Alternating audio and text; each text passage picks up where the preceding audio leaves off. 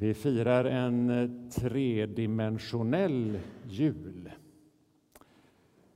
När kyrkan har, har läst om Betlehem har man tänkt sig tre olika platser. Dels för det första naturligtvis den historiska platsen, den lilla krigshärjade staden. Där föddes Jesus.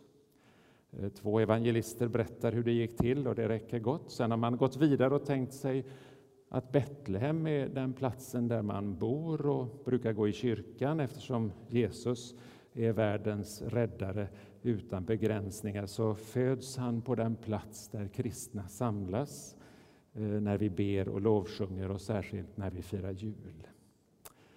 Och dels för det tredje har man tänkt Betlehem som sitt eget, sitt eget hjärta.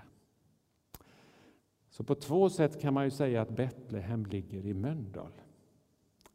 Eh, du är där nu, här, där kristna brukar samlas för att be och lovsjunga. Och fortsätter vi tanken till den tredje dimensionen så ligger ju Betlehem ännu mer i Mölndal. För det finns ett Betlehem i mitt hjärta också.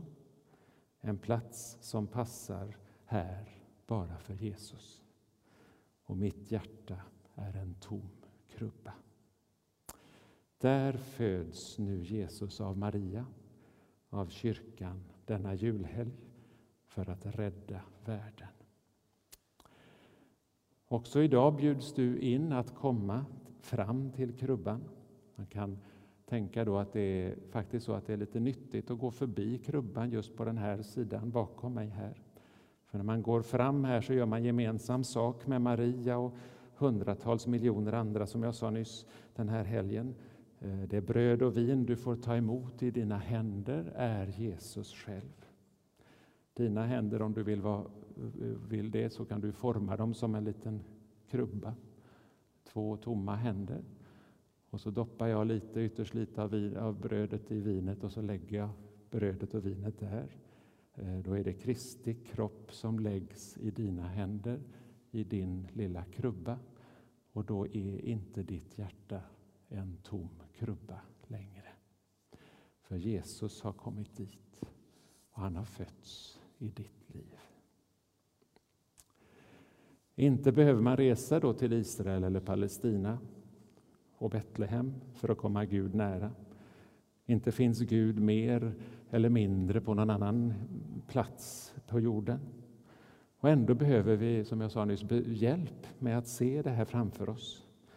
Det synliga krubbygget har i århundraden, åtminstone sedan Franciscus tid på början på 1200-talet i Assisi, Italien, varit en sån hjälp. Inför det synliga får vi en visuell bild, alltså ett minne av det som egentligen är ofattbart och det som händer under ytan på det som synes ske.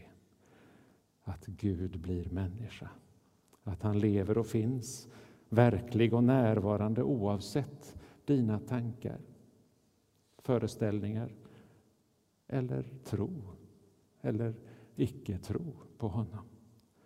Och att du och jag närmar oss krubban och tar plats i halmen runt den nyfödde. Det regelbundna julfirandet är alltså inte bara en vacker tradition. Att fira jul innebär att dra fram ur historien, att levandegöra, att krypa innanför skinnet på dem som vi läser och sjunger om och ser framför oss. Så därför kan du gärna låta blicken vila på en krubba som den här framme under mässan. Se på den. Kanske drömmer du dig rakt in i stallet i Betlehem.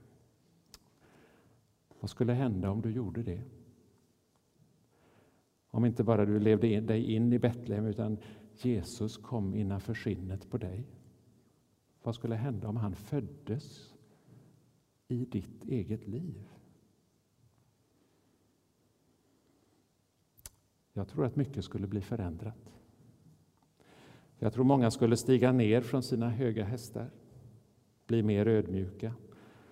Orden förlåt mig skulle höras oftare och oftare. Han kom, den lille bebisen, för att vi behöver försoning, nämligen med Gud och med varandra. Andra skulle hitta tillbaka till det enkla, glädjen i det vardagsnära och sluta jaga upplevelser i turbotakt över jorden. Någon börjar inse hur förödande det är för mig själv, för mina relationer och för planeten jorden om vi försöker hitta vår identitet i konsumtion. När människan försöker skapa lycka och mening genom att konsumera så kollapsar planeten. Min identitet måste jag hitta någon annanstans. Meningen med livet kan inte ligga i att konsumera.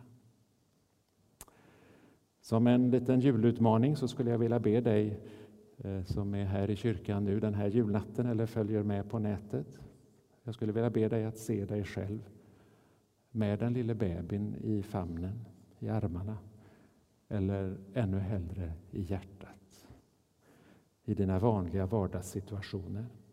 Tänk dig på jobbet, i familjen, bland vännerna, i affären, i bilen. Låt vardagsscenerna liksom passera. Och kanske blev också du förändrad. Kanske kunde du hitta identitet och mening i att ta emot det där lilla sprattlande barnet.